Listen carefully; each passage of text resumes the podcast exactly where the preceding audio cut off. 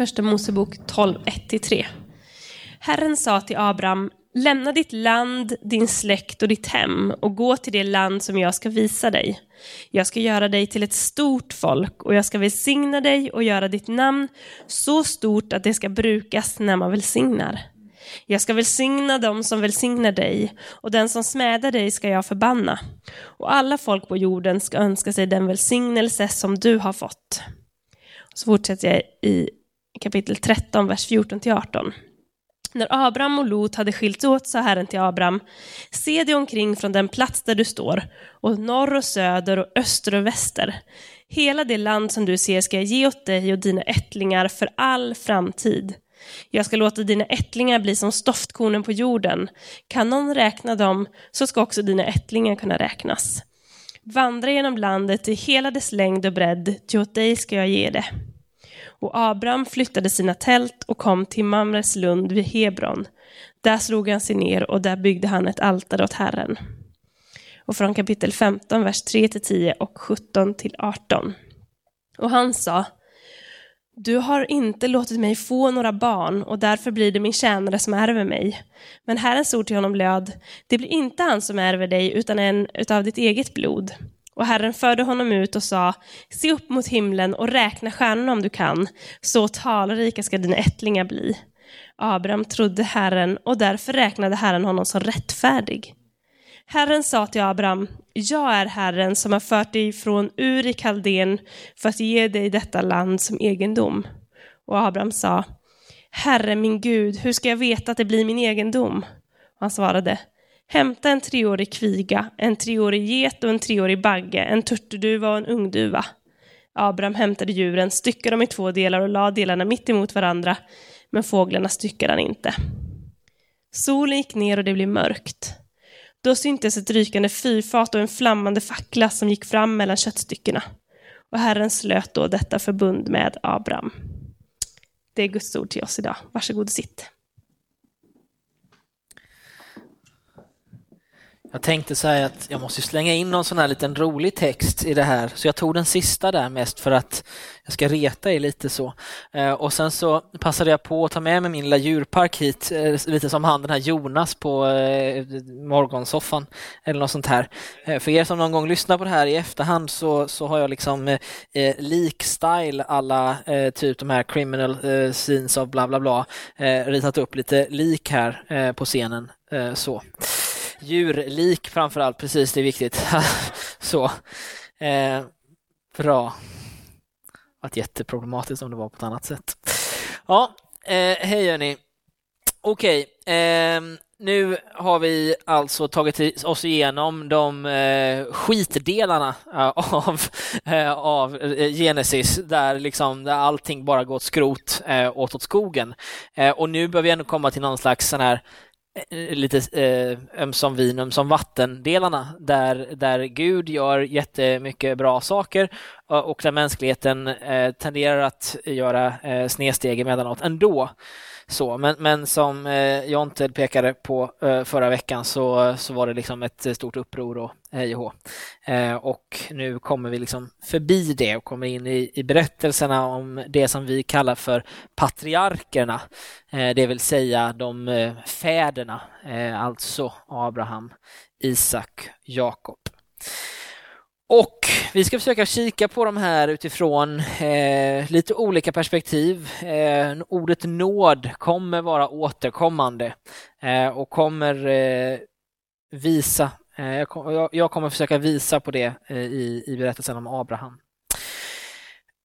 Om man ska förstå eh, den här berättelsen om Abraham så behöver man, eh, och det gäller egentligen alla berättelser i Bibeln, så måste man förstå dem i sitt större sammanhang. Eh, och den bibliska, för den bibliska berättelsen är nämligen på väg någonstans. Den är på väg till en, liksom, ett mål. Eh, den är inte bara liksom, ändlöst vandrande hit och dit, utan det, det, har ett mål och det är på väg någonstans. Och vi behöver kunna liksom, förstå det här för att kunna komma för kunna fatta liksom, vad det är vi läser. Eh, och hur ska man då eh, förstå den bibliska frälsningshistorien och är det ens möjligt? Och eh, Går det att tänka sig att man liksom kan fatta någonting av 66 böcker skrivna på minst tusen års tid? Liksom? Går det, finns det en röd linje?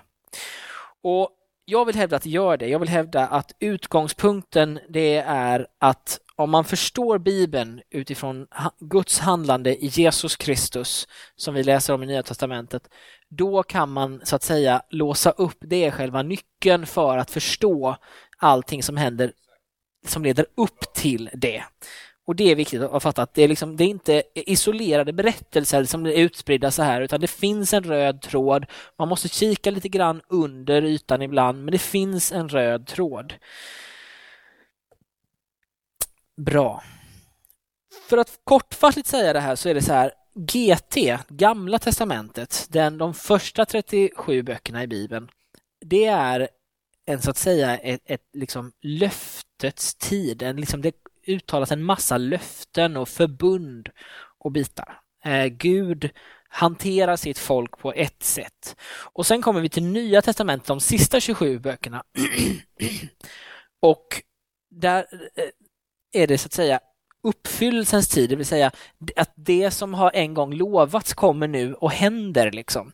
Det, så kan man tänka eh, en, en enkel uppdelning.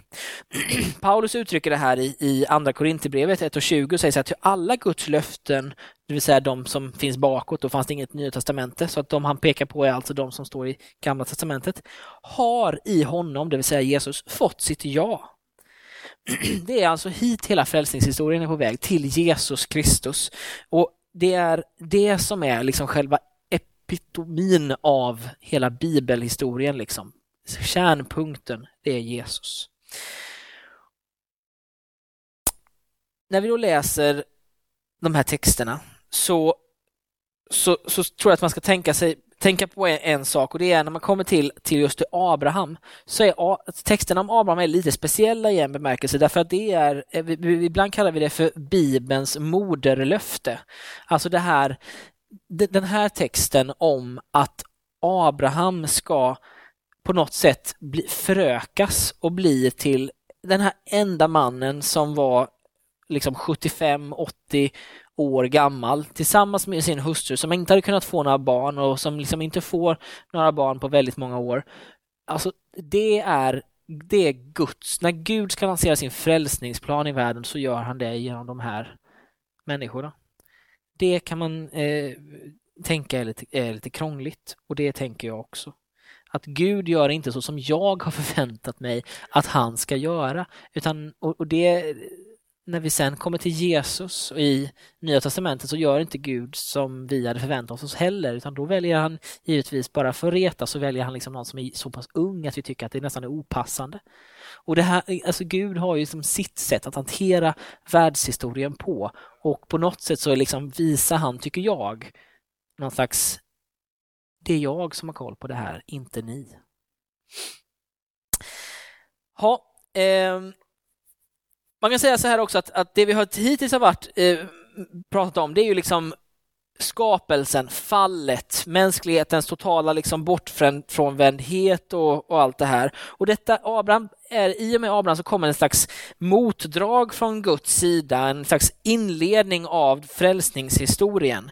Och det började egentligen redan på fallets dag när, eh, när Gud ger det här löftet om att kvinnans säd en dag ska trampa sönder ormens huvud.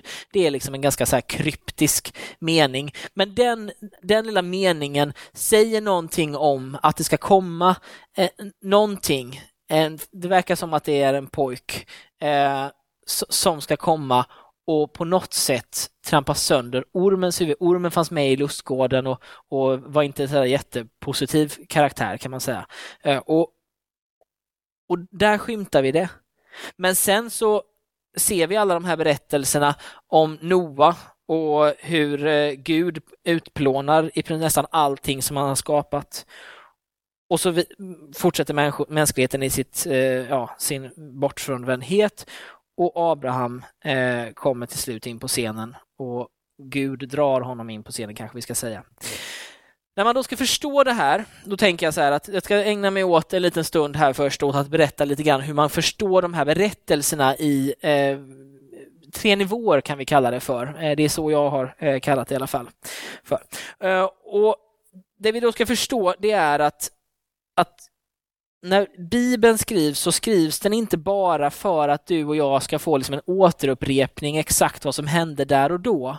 Alltså det, det kan liksom historieskrivarna få ägna sig åt, men det är inte Bibelns utgångspunkt. Det är inte den utgångspunkten som kyrkan har förstått Bibeln så som, utan man har förstått Bibeln som att den har mer att säga än om bara det partikulära fallet, eller hur? Det är själva, annars hade vi inte haft den här, annars hade den inte sålt i liksom eh, mångmiljard eh, upplagor, utan då hade det bara varit en historiebok och, och, så är det ju inte, utan den bär något mer med sig.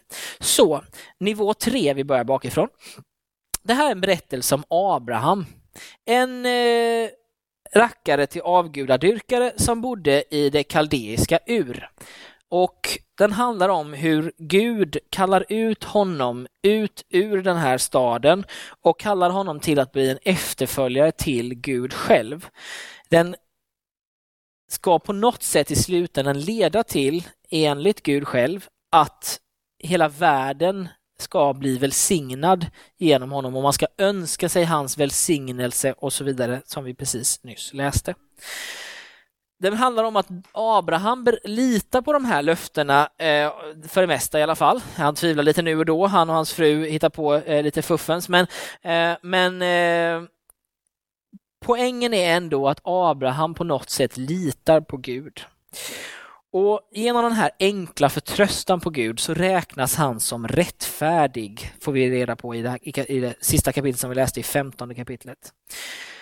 Lägg märke till att det inte är på grund av något annat än hans tro, alltså på grund av, Abrahams tro så räknades han som rättfärdig. Så det, det kan vi ha med oss in i lite senare. Men då kan man ju fundera så här, jaha, är det bara liksom Is that it liksom? Är det berättelsen i sin fullhet liksom? Att eh, Abraham fick eh, gå hem till sina fäder mätt på livet eller något sånt där som Bibeln ofta slänger sig med. Nej men det är det ju inte utan den här berättelsen är i nivå två också en berättelse om ett folk, om hur Gud skapar ett folk för så att säga en landningsplats in i historien. Den handlar om det här folket Israel eh, som börjar med Abraham och som är dess stamfader. Och den handlar om hur Gud ska göra ett stort folk av denna människa som uppenbarligen inte kunde få barn. Det är ett återkommande tema för övrigt i den här berättelsen. Till slut så kan man säga så här att på nivå ett så handlar den här berättelsen djupast sett om hela världens frälsning. Inte bara Israels ska det visa sig, för det, Israel verkar vara mest ett steg på vägen i Guds frälsningsplan. Från Israel kommer nämligen till slut Jesus Kristus som, som presenteras, i alla fall i Nya Testamentet, som, som själva liksom stjärnan, huvudparadgrenen. Liksom. Det som allting har lett upp till, det är den här mannen det är Gud inkarnerad. Och Johannes, han, han säger så här, eh, Johannes döparen, se Guds lamm som tar bort världens synd. Nu behöver jag ana att berättelsen om Abraham inte nödvändigtvis bara handlar om Abraham. Den handlade liksom om att skapa ett folk som, där liksom sen Gud kunde få en landningsplats in i världshistorien. Och så står, står Johannes döparen och tittar. Titta, där borta. Där. Det är han som tar bort världens synd. Det är liksom själva vartåt det drar så att säga. Johannes Eh, evangelisten, han som skrivit ett evangelium, han skriver ju ganska eh, kända verser. Ty så älskade Gud hela världen att han gav den sin enda son för att var och en som tror på honom ska bli frälst. Paulus skriver i sitt brev till Rom, eller till romarna, det var inte genom lagen som Abraham och hans efterkommande fick löftet att ärva världen, utan genom den rättfärdighet som kommer av tron. Och det är hela Nya Testamentet sen genomsyrat av den här, den här frälsningen från Gud. Och om vi då lämnar den här biten och, och liksom de här tre nivåerna som jag hoppas att kan vara nyttiga för dig att ha med dig både in i den här berättelsen men också in i de berättelser som vi kommer ägna oss åt de kommande veckorna och, vill jag hävda, i de absolut flesta fallen i, eller i, i Bibeln så finns det de här nivåerna.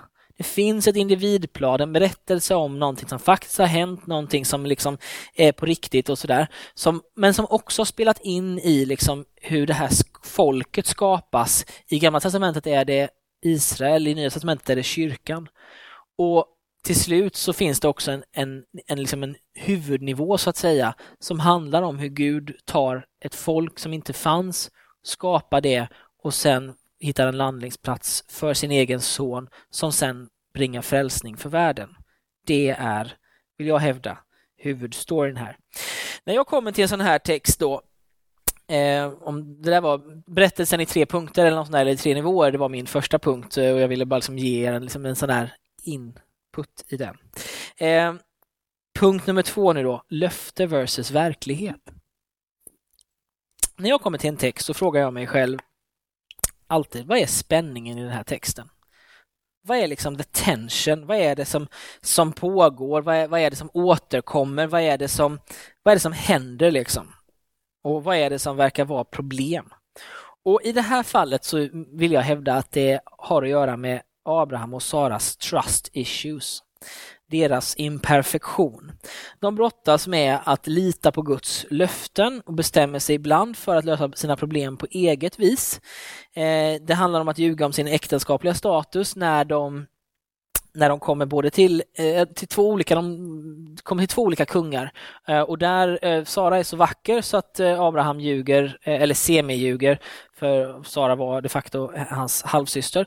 Eh, men han säger att men det, är min syster, eller liksom, det är min syster och Sara säger det här är min bror och sen så är det liksom ordning och reda eh, tycker de. Och så, så blir det problem eh, till slut för att det blir ju oftast det när man ljuger. Det är ju en lärdom man kan dra även från Abraham så att säga. Men de har också andra problem. De har problem med att skaffa barn ehm, på det sättet som, eller rättare sagt, Gud lovar dem barn och de kan inte se hur det ska hända.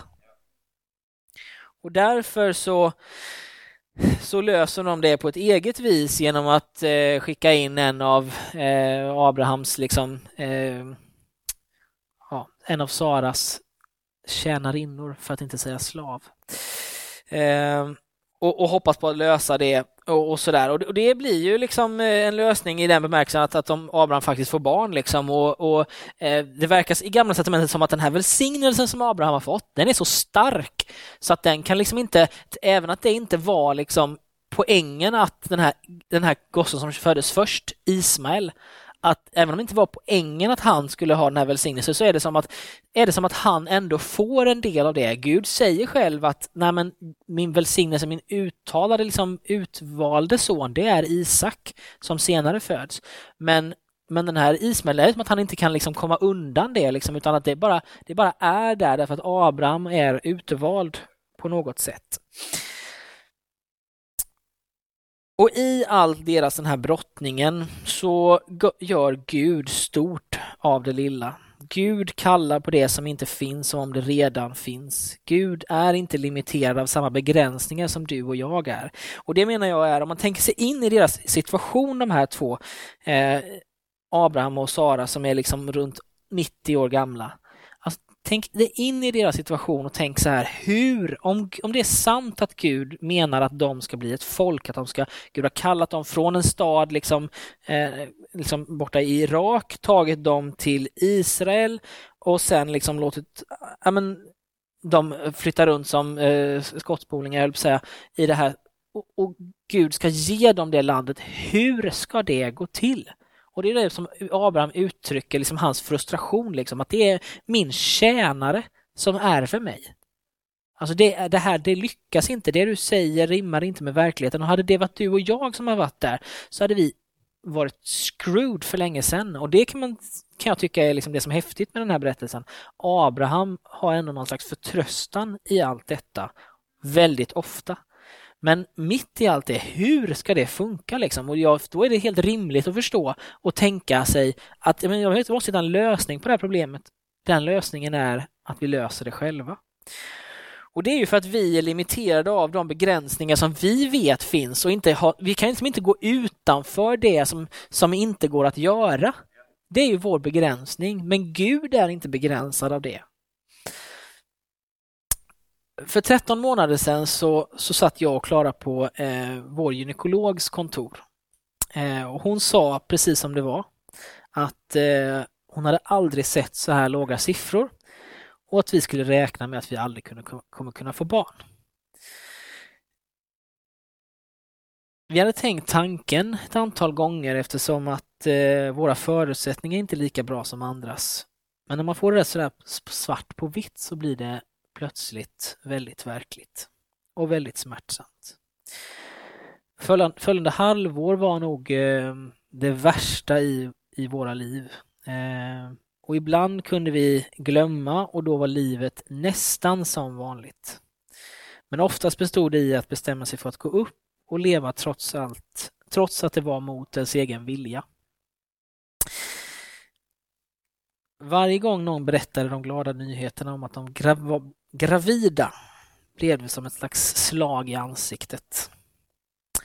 Och varje gång någon berättade om att eh, eh, frågade om inte vi skulle ha barn snart så fanns det liksom inte något bättre svar än det hoppas jag. När folk klagar på att de får tvätta ofta eller vara uppe på nätterna med sina barn så liksom var vår enda kommentar att det är vår högsta dröm. Och för mig personligen så kändes det fruktansvärt att behöva stå här eller i andra samlingar och, och liksom lyfta händerna till en gud som inte verkade finnas där. Men som ändå liksom, som jag visste var där, men som jag inte kunde förmå mig att se. Det bästa var när någon, oftast Daniel, sa jag kan inte förstå. Eh, men vi står med er oavsett. Nu är det så att eh, tack vare Guds nåd och, vår läkare Åsas hjälp eh, så har det här mörkret vänts till ljus som min fru har inte ätit fler pizzor än vanligt utan det är något annat. Och det är väldigt häftigt. De här frågorna som jag nu petar upp här kan man ställa sig utifrån många perspektiv i livet. Hur kan en uttorkad livmoder, eh, som i Saras fall, ge liv i framtiden? Hur ska en invandrare som Abraham kunna bli ägare till ett helt land? Hur kan den nuvarande fattigdomen, eller liksom, förstå mig fattigdom, alltså liksom svaghet, eh, tillkortakommande, litenheten, hur ska den kunna leda till framtida rikedom? Hur ska en kyrka befläckad av synd och ledd av mediokra syndare bli ett redskap för Guds räddning i den här världen? Det är de här frågorna jag ställer mig när jag kommer till den här texten. Och det är som att Gud bankar liksom igenom det här att det har inte primärt med din och min förmåga att göra. Det har primärt med vad Gud själv har bestämt att han tänker göra. Och det tänker han göra i Abrahams liv oavsett om de var för gamla. Han tänker göra det i Marias liv oavsett om hon var för ung. Han kommer göra det i ditt och mitt liv oavsett våra omständigheter. Nu betyder inte det, så det är ju min utmaning, eller min och Klaras utmaning, är ju att vi just nu så står vi ju liksom på andra sidan av det helvetet som vi genomlevde.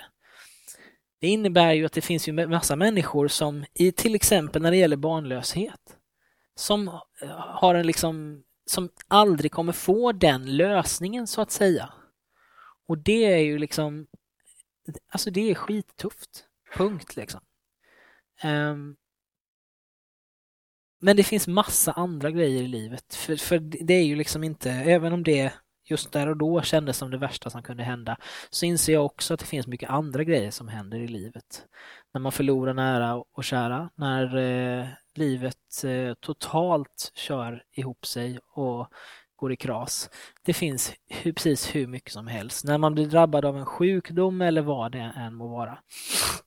Och någonstans så, så vill jag tro att den här berättelsen handlar också till visst så här, för mig personligen, om, om det är okej okay att liksom tolka Bibeln så, det tror jag att det är, så blir den också liksom ett, liksom ett liten ljusglimt sådär som berättar att världen må vara skit liksom. Men Gud har en idé, en tanke och en plan. Den kommer han genomföra oavsett dina och mina förutsättningar. Oavsett dina mina tillkortakommanden. Kanske till och med, som Kristina sa, mest i våra tillkortakommanden.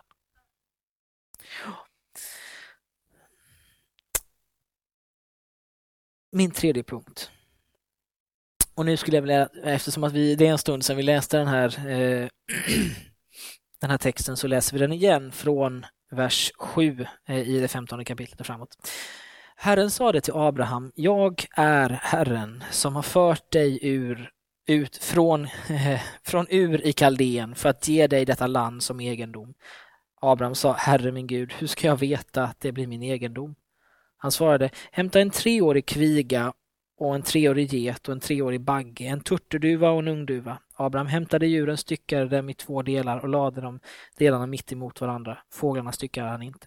Solen gick ner och det blev mörkt och syntes ett rykande fyrfat och en flammande fackla som gick fram mellan köttstyckena. Herren slöt då detta förbund med Abraham. Är det här en liten mystisk text? Svar ja.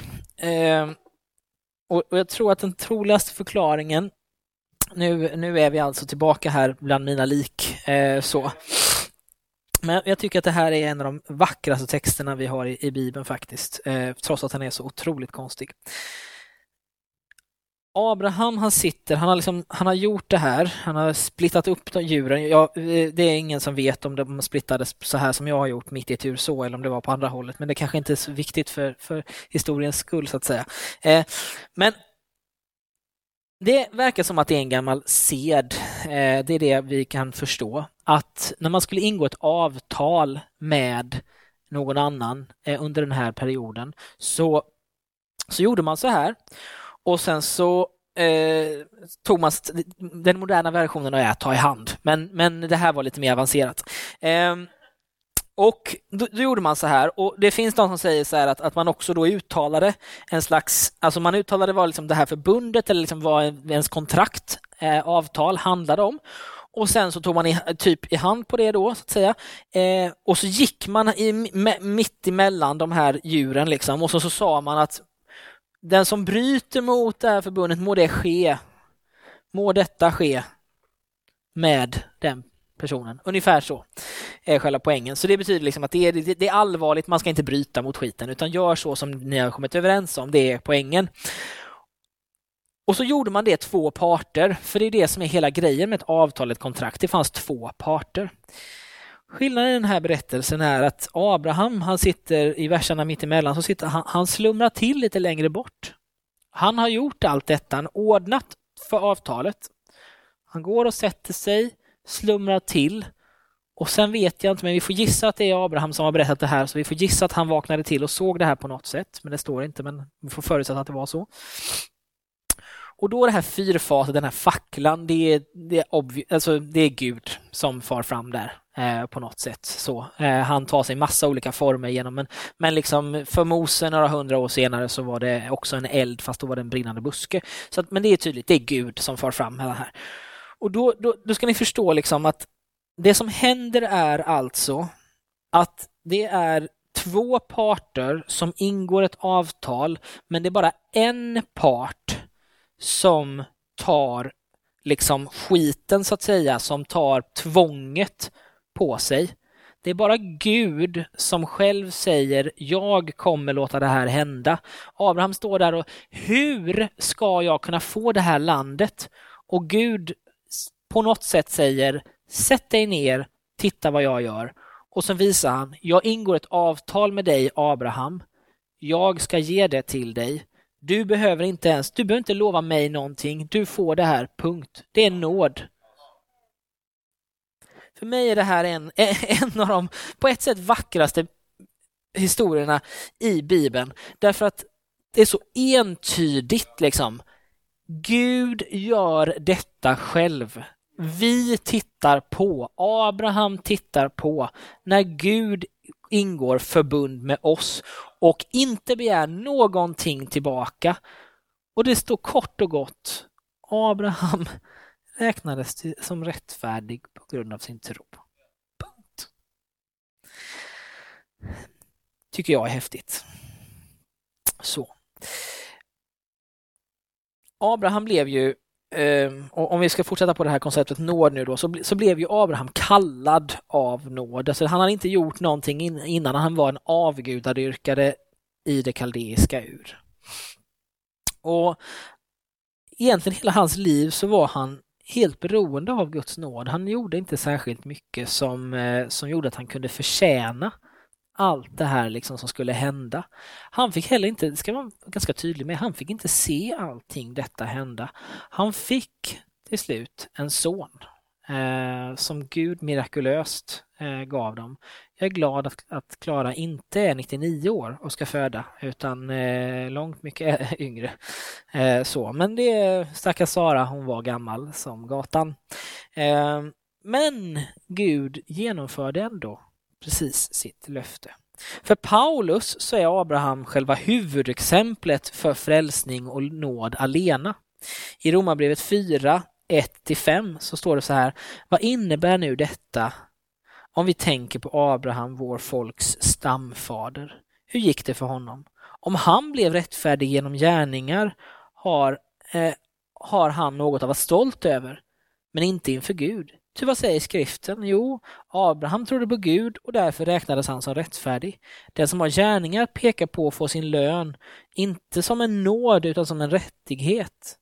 Den däremot som står utan gärningar men tror på honom som gör syndaren rättfärdig, han får sin tro räknad som rättfärdighet.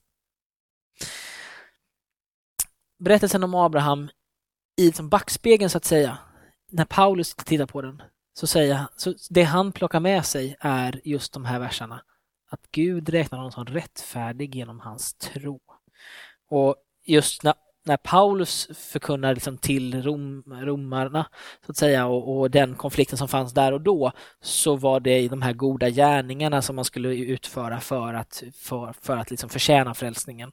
Det var en av de problematiker som de hade just då. Paulus vet ju vilken betydelse Abraham har för den bibliska historien. Han är ju Israels stamfader. Mönstret för Abrahams relation med Gud, Gud, själva grunden för hans gudsrelation, är ju oerhört viktig för alla andra som vill vandra i Abrahams spår och vara Guds vän som det står i några bibelsammanhang. Och Paulus ser fram att Abraham blev rättfärdig inför Gud genom tro och ställer det i kontrast till att göra de här goda gärningarna. Och just där kommer liksom Paulus undervisning om nåd in eh, som bäst. För att nåd är någonting som är helt oförtjänt. Det är de här starka orden som ni hörde precis nyss, som tror på honom, som gör den ogudaktige rättfärdig. Det är inte så att, att han liksom räddar dem som redan eh, var typ semiräddare, utan den ogudaktige. Då krossar Paulus alla illusioner om att Abraham skulle bli rättfärdig genom gärningar, att det var för att han ändå liksom, för att han ändå tog med sig, för det finns en berättelse till exempel om Isak som jag inte ska gå in alldeles för mycket på för det är med risk för att det är någon nästa vecka som ska ta den så att säga.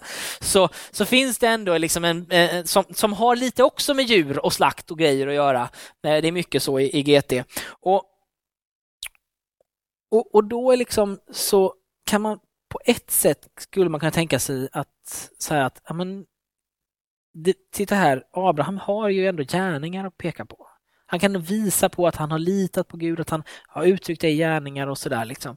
Och, så man skulle kunna, men, men Paulus vill väldigt tydligt krossa dem, liksom, den typen av tankar och säga nej. Och liksom klippa av. Liksom. Det är tro som leder till den här nåden. Det är därför vi får denna nåd. Och till slut då i Romarbrevet 4, 23-25 så står det så här. Men inte bara om honom skrevs orden räknade som rättfärdig, utan också med tanke på oss.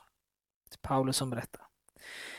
Vi ska räknas som rättfärdiga, ty vi tror på honom som från de döda har uppväxt vår Herre Jesus, som blev utlämnad för våra överträdelsers skull och, och uppväckt för vår rättfärdiggörelses skull.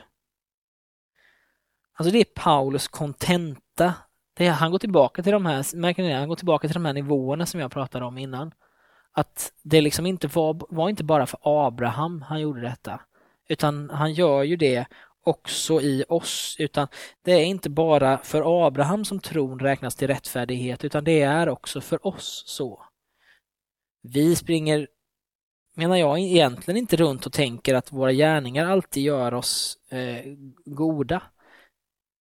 Fast det finns en stor tendens till det i vår kultur en slags, skulle jag, skulle, jag kallar det för karmakultur, ni får kalla det vad ni vill för, eller för det vad ni vill, men, men jag, för, i min värld så är det en tydlig karmakultur.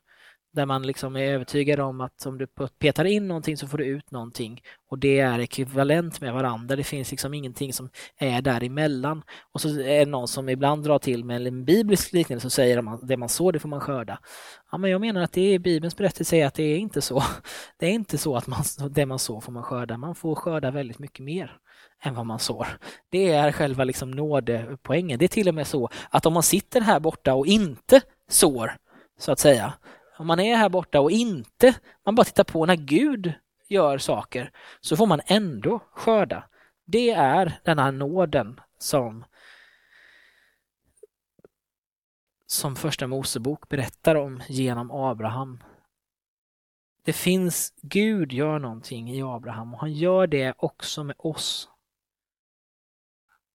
han skapar det som vi, som vi är begränsade till att inte förstå och se. Liksom. När, när, när jag och Klara kände någonstans här att det går inte. Det är omöjligt.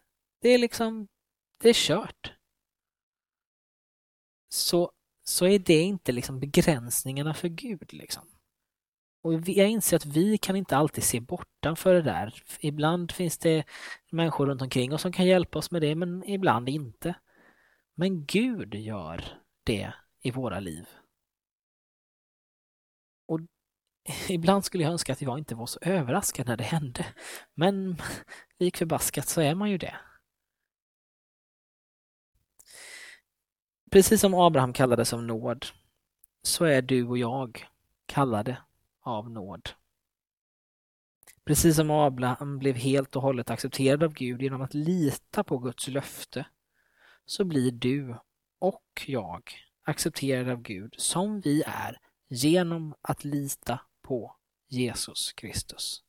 Det är, skulle jag vilja hävda, huvudbudskapet i Bibelns berättelse och det är det vi tar med oss när vi läser en sån här berättelse den som litar på, den som sätter sin tillit och förtröstan på den här Jesus Kristus kan räkna med att Gud har honom eller henne i sina händer.